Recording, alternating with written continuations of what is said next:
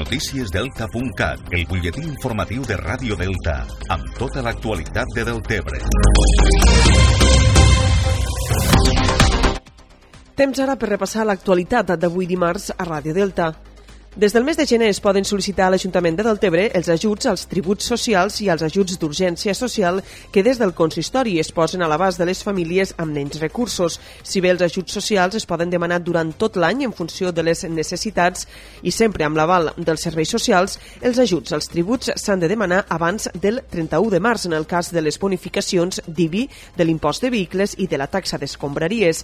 La regidora d'Hisenda i Atenció a les Persones, Lluïsa Ventura, ha recordat en el marc marc del programa El Recapte de Ràdio Delta que la implementació d'estos ajuts va ser una de les primeres mesures que va prendre l'actual govern municipal ja van crear a partir del 2016, nosaltres van crear una partida per a ajuts als tributs locals de 120.000 euros, 120.000 euros, que no havia passat mai en este Ajuntament, i una partida específica també d'ajuts d'urgència social per a complementar los del Consell Comarcal de 20.000 euros.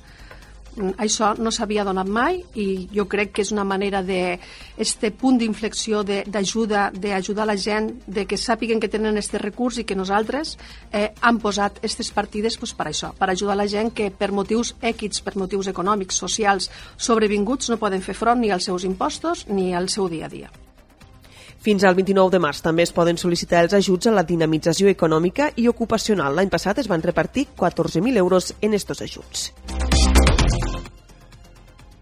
Avui es celebren a Deltebre les 15 jornades tècniques de l'arròs organitzades per l'IRTA amb l'objectiu de transmetre als pagesos els resultats dels assajos i experiments que l'estació experimental de l'IRTA ha anat treballant en el darrer any. Es presentaran nous estudis i resultats en sanitat vegetal i control de malalties, en fertilització i també en mesures contra el canvi climàtic. Entre els resultats que es presentaran destaquen els resultats d'ús de dejeccions ramaderes per fertilitzar els camps de sembra en sec. La tècnica tècnica de l'IRTA, Maria del Mar Català, avançava ahir al recapte de Ràdio Delta que els resultats són sorprenents que estem treballant en aprofitaments de, de dejeccions ramaderes, de fems, de, o bé de gallinassa o bé de purí en, en la sembra en sembra en sec. Eh, abans s'havia treballat molt en sembra convencional, ara mm, sabeu que ja en el cas per el tema del caragol poma ha espentejat bastant la implantació de la sembra en sec el concepte de sembra en sec ens comporta tota una posada a punt agronòmica de lo que seria el cultiu i estem treballant, ja portem dos campanyes treballant en, en les dejeccions ramaderes en, en sembra en sec. I ja veureu els resultats, però són francament molt interessants i és bastant diferent a, lo, a la sembra convencional. Les jornades se celebren durant tot el matí a la seu de Rosaires del Delta.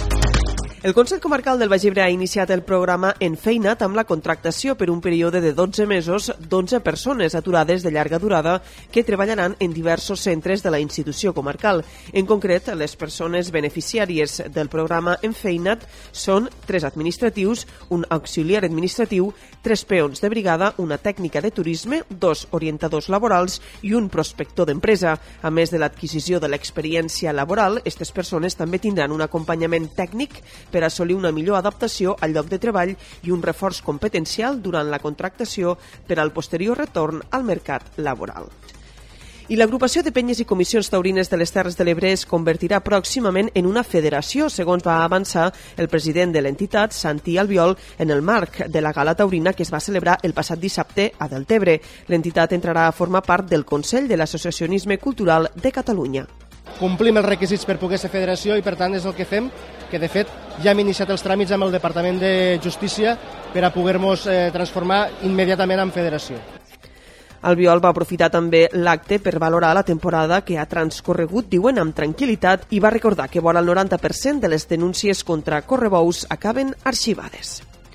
Per acabar, només afegim que el candidat de Més del Tebre a l'alcaldia, Joan Alginet, presentarà el pròxim divendres el seu projecte polític en el marc de la conferència El del Tebre que farem al Centre Fluvial del Delta. L'acte serà a les 9 i mitja de la nit. Això és tot de moment. Més informació de Deltebre, com sempre, als butlletins horaris de Ràdio Delta.